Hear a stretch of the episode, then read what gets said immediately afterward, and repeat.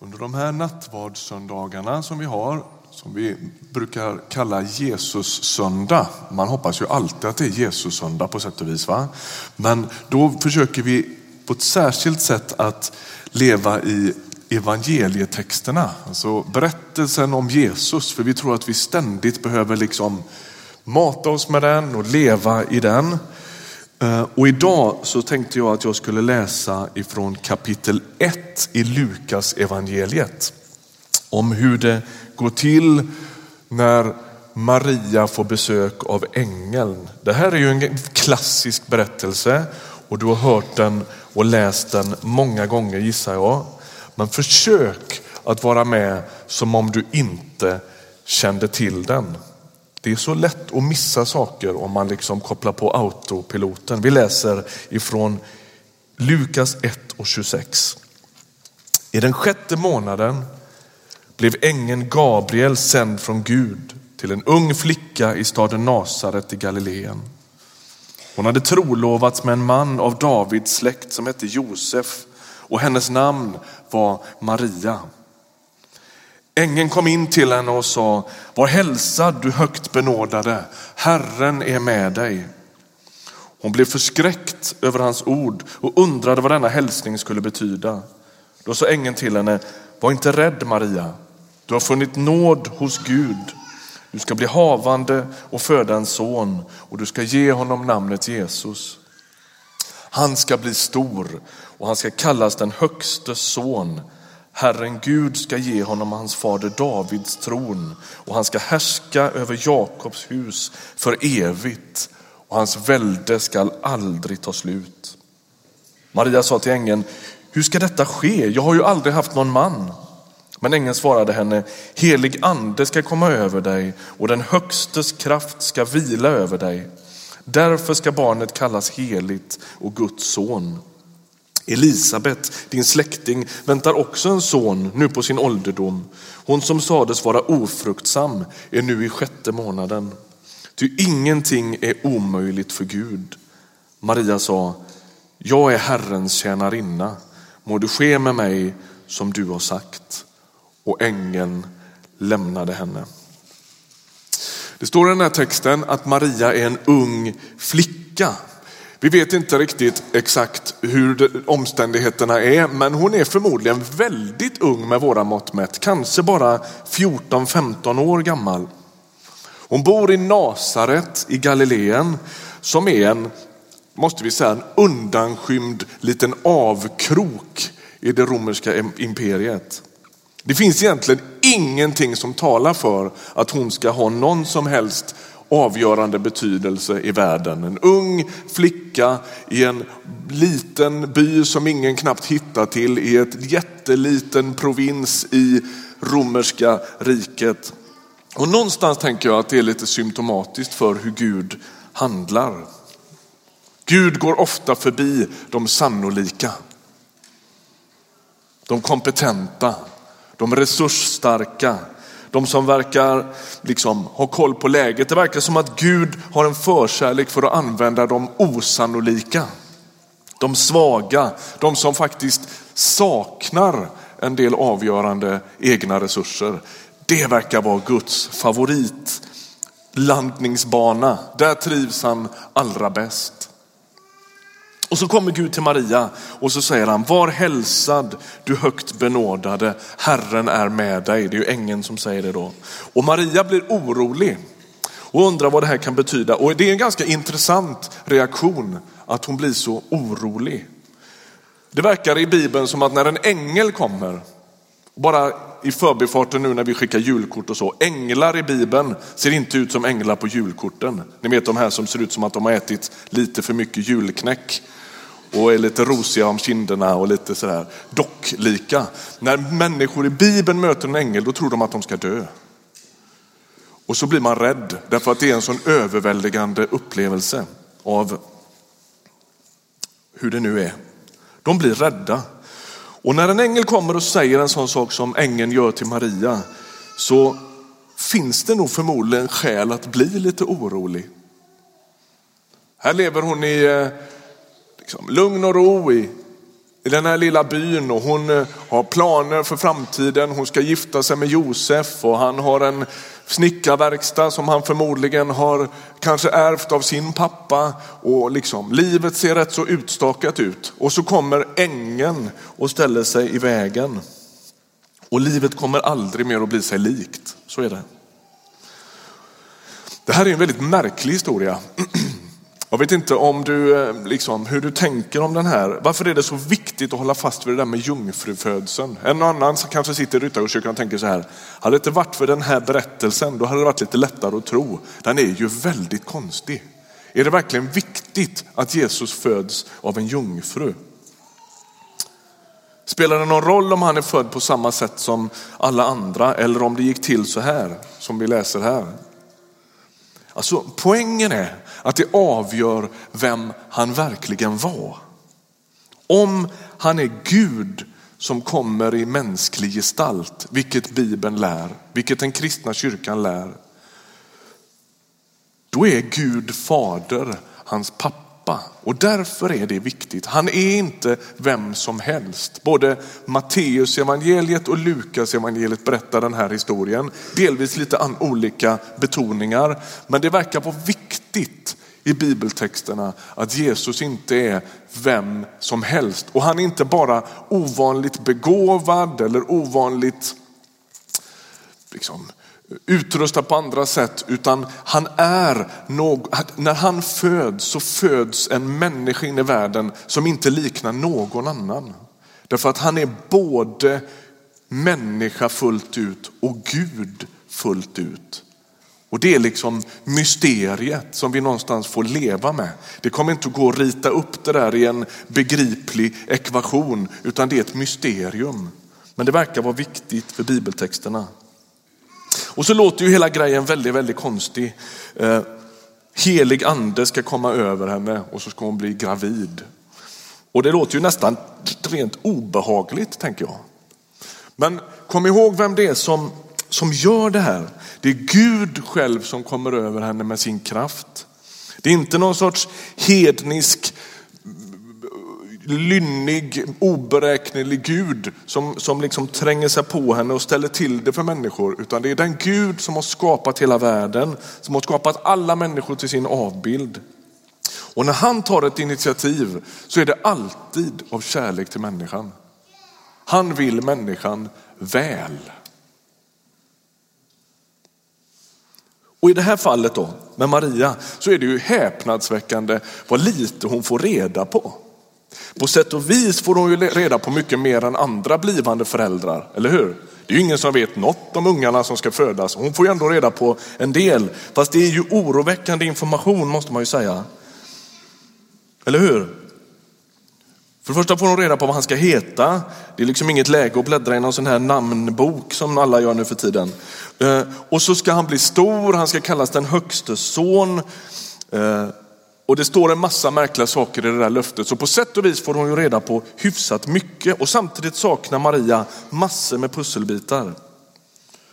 Och så ställer hon en enda motfråga.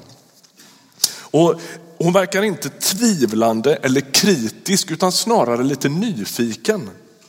Hur ska detta ske? Jag har ju aldrig haft någon man, säger hon.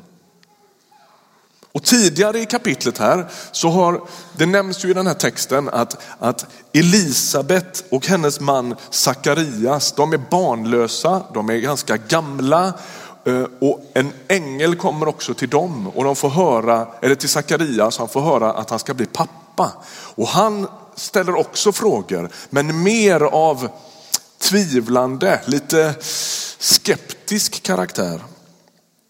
Han ber om bevis på något sätt för att han, hans och fruns barnlöshet verkligen är över. Och den där otron som han visar upp, den gör att han blir stum ända tills Johannes döparen som blir deras son föds. Maria däremot, hon visar snarare nyfikenhet. Okej, okay. vad är det som är avgörande liksom, vändpunkten i den här texten? Jo, det står att den helige ande ska komma över Maria och göra som den heliga ande alltid gör på sätt och vis. Nämligen ge en enkel människa kraft och omständigheter och möjligheter att göra eller att bli något som man inte kan bli eller göra på egen hand. Hörde du mig? Alltså det är anden, när anden rör vid en människa så är det för att vi ska kunna bli något som vi inte kan bli på egen hand. Eller göra något som vi inte kan göra på egen hand. Och här blir det ju jättetydligt. Det här kan inte hon på egen hand. Men när anden kommer över henne så händer det något. Jag tänker att det är väldigt lätt att läsa bibeltexter i ljuset av hur det, hur det går. Liksom. Problemet när vi läser bibeln till skillnad från andra böcker är att vi redan kan slutet. Eller hur? Och så läser vi liksom i, i ljuset av det och tänker, att men det är väl inte så märkvärdigt det här. Det är väl ingen match att vänta tre dagar på att Jesus ska uppstå till exempel. Nej, inte om man vet att det ska hända. Men det var det ingen som visste då. Är ni med? Det är inte så att, att Israels folk tvivlar så ofta i öknen, det är helt obegripligt. Nej, inte särskilt. Om man står där mitt i öknen och tuggar sand och undrar hur länge det här ska hålla på. Eller vid havet som, och, och, och, och, och i faraos här flåsar den i nacken. Eller om man är den där som inte, familjen som inte kan få några barn till exempel. Och vi läser med facit i hand. Men när man står mitt i det, då vet man inte. Och med tanke på vad som väntar Maria så får hon ju väldigt lite information. Jag har precis den här veckan bytt mobiltelefon och då är det massor med appar appar och program och grejer som ska installeras och uppdateras och greja. Och till den ena efter den andra så kommer det en jättelång avtalstext. Nu har jag en samvetsfråga idag. Hur många brukar läsa sån text? Upp med handen. Ja, precis. Ingen hand. Det finns ett envist rykte, jag vet inte om det är sant, att någon firma har testat hur många som verkligen läser detta genom att skriva in i den där texten att man lovar att lämna ifrån sig sina barn. Och folk bara trycker accept och okej okay och vidare nästa. Det är inte en katt som läser de där texterna. För att de är för mycket liksom. Det går inte och, och, man vet inte riktigt vad man ska göra med det och om man läser den där så förstår man ändå inte riktigt följderna och det är bara så. Men annars vill vi ofta veta. Det är så. Vad krävs av mig? Vad finns det för uppsägningstid? Vi gör avvägningar. Vad, vad, vad, vad får jag? Vad kostar det? Och så vidare. Men Maria, hon får hyfsat lite information och det hon gör det är att hon säger ja till Guds kallelse. Hon gör det inte på det sättet som vi gör när vi är lite slarvigt, nej jag orkar inte läsa texten, jag skippar det, jag går vidare, jag har annat viktigare för mig. Utan hon gör det utifrån en tillit. I nästa kapitel, när Jesus är född, då får hon en pusselbit till. Josef, Maria och Jesusbarnet, de möter en profetgestalt. Han heter Symeon, han finns i Jerusalem och han rör sig i templet. Han heter Simeon och han ser det där Jesusbarnet och intuitivt eller profetiskt så vet han att det där är Guds Messias som han ser. Lyssna på vad det står. Han utbrister så här, kapitel 2, vers 29 han, han, han liksom brister ut i en bön. Herre, nu låter du din tjänare gå hem i frid som du har lovat. Till mina ögon har skådat frälsningen som du har berett åt alla folk. Ett ljus med uppenbarelse åt hedningarna och härlighet åt ditt folk Israel. Hans far och mor förundrade sig över vad som sades om honom. Och Symeon välsignade dem och sa till hans mor Maria, detta barn ska bli till fall eller upprättelse för många i Israel och till ett tecken som väcker strid. Ja, också genom din egen själ ska det gå ett svärd för att mångas innersta tankar ska komma i dagen. Det här är jätterika, innehållsrika verser och vi liksom lämnar det just nu. Men det står i förbifarten läser vi här att Jesus kommer att angå hela världen. Han kommer att kalla människor från alla folk till att följa honom. Och så får Maria en pusselbit till i hela det här som har med hennes kallelse att göra. Genom hennes själ ska ett svärd gå. En sorts förutsägelse om att det kommer att bli smärtsamt att vara mamma till Jesus. Och det är det här hon säger ja till, fast hon inte riktigt vet det. När hon står där med den där ängeln i kapitel 1 så utbrister hon jag är Herrens tjänarinna, må det ske med mig som du har sagt. Och Det finns en sån tillit i den där responsen. Då är frågan avslutningsvis min predikan idag. Vad lär vi oss av Maria och vad lär vi oss av den här texten? Alltså, Gud kallar på ett sätt varje kristen att bli som Maria i meningen att vi ska bära Jesus till världen. Och så tänker jag att jag ser framför mig någonstans att vi, vi, vi ser i våra egna liv och kanske vi tänker som Maria, hur i hela livet ska det kunna ske?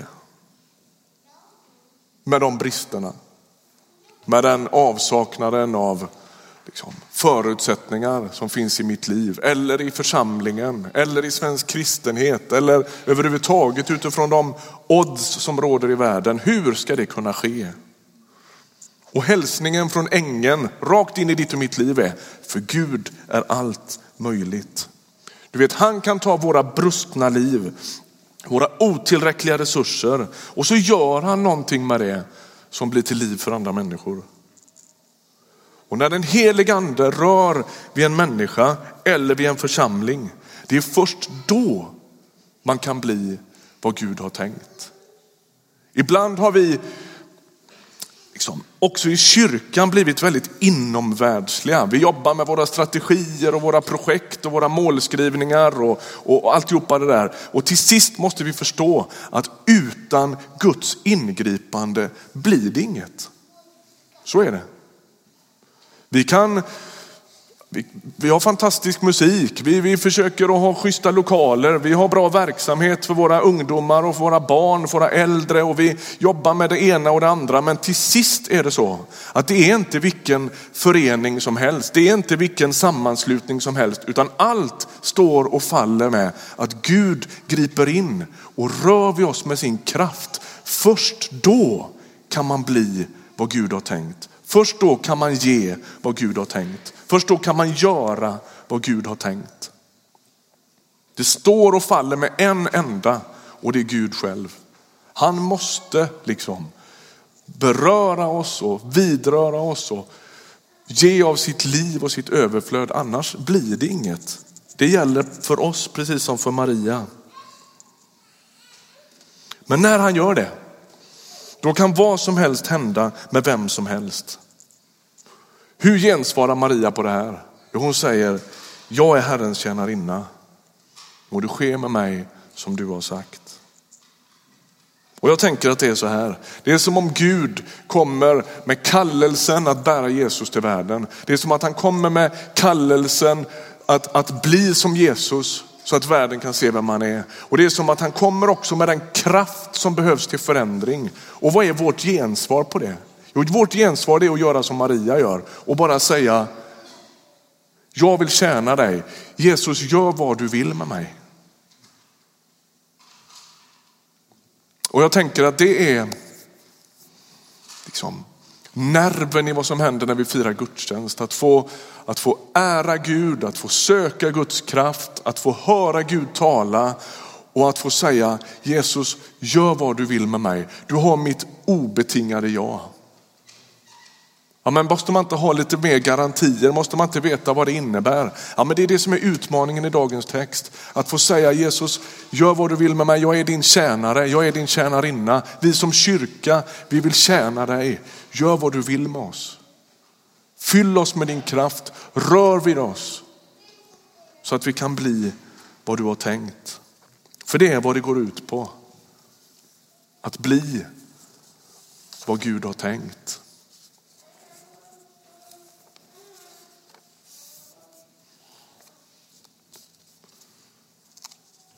Och jag tänker, kanske sitter du i bänken här och tänker, jag skulle aldrig komma på tanken att be en sån öppen bön. Jag litar inte på Gud på det sättet. Det kan finnas skäl för det. Du har blivit bränd på olika sätt och liksom sviken och osäker.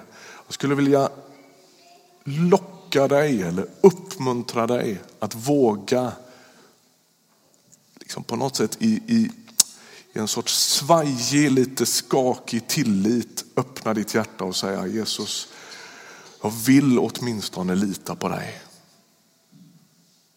För vet du, Bibeln säger att Gud inte bara söker våran tro utan han ger den tro som du saknar. Så att du kan säga Jesus gör vad du vill med mig och verkligen mena det.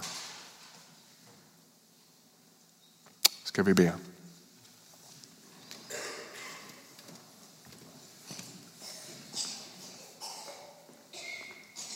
Herre, tack att du inte har slutat tala med människor. Du kallar oss vid namn. Du talar med vår församling, du talar med oss som individer. Och Herre, vi vill, vi vill höra dig. Vi vill vara lyhörda.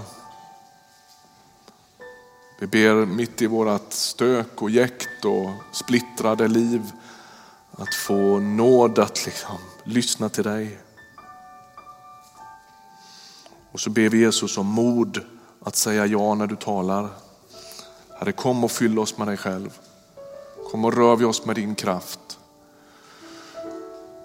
Kom och led våra steg. Och Herre, vi vill överlåta oss till dig och säga, gör vad du vill med oss. Vi ber för vår församling. Vi lägger oss liksom på ditt altare och säger Jesus, gör vad du vill med oss. Låt oss bli vad du har tänkt. Låt oss göra vad du har tänkt. Låt oss gå dit du går. Låt oss säga det du säger. Låt oss älska som du älskar. Herre, vi vill vara dina tjänare, vi vill vara dina tjänarinnor. Låt det bli med oss som du vill. Amen.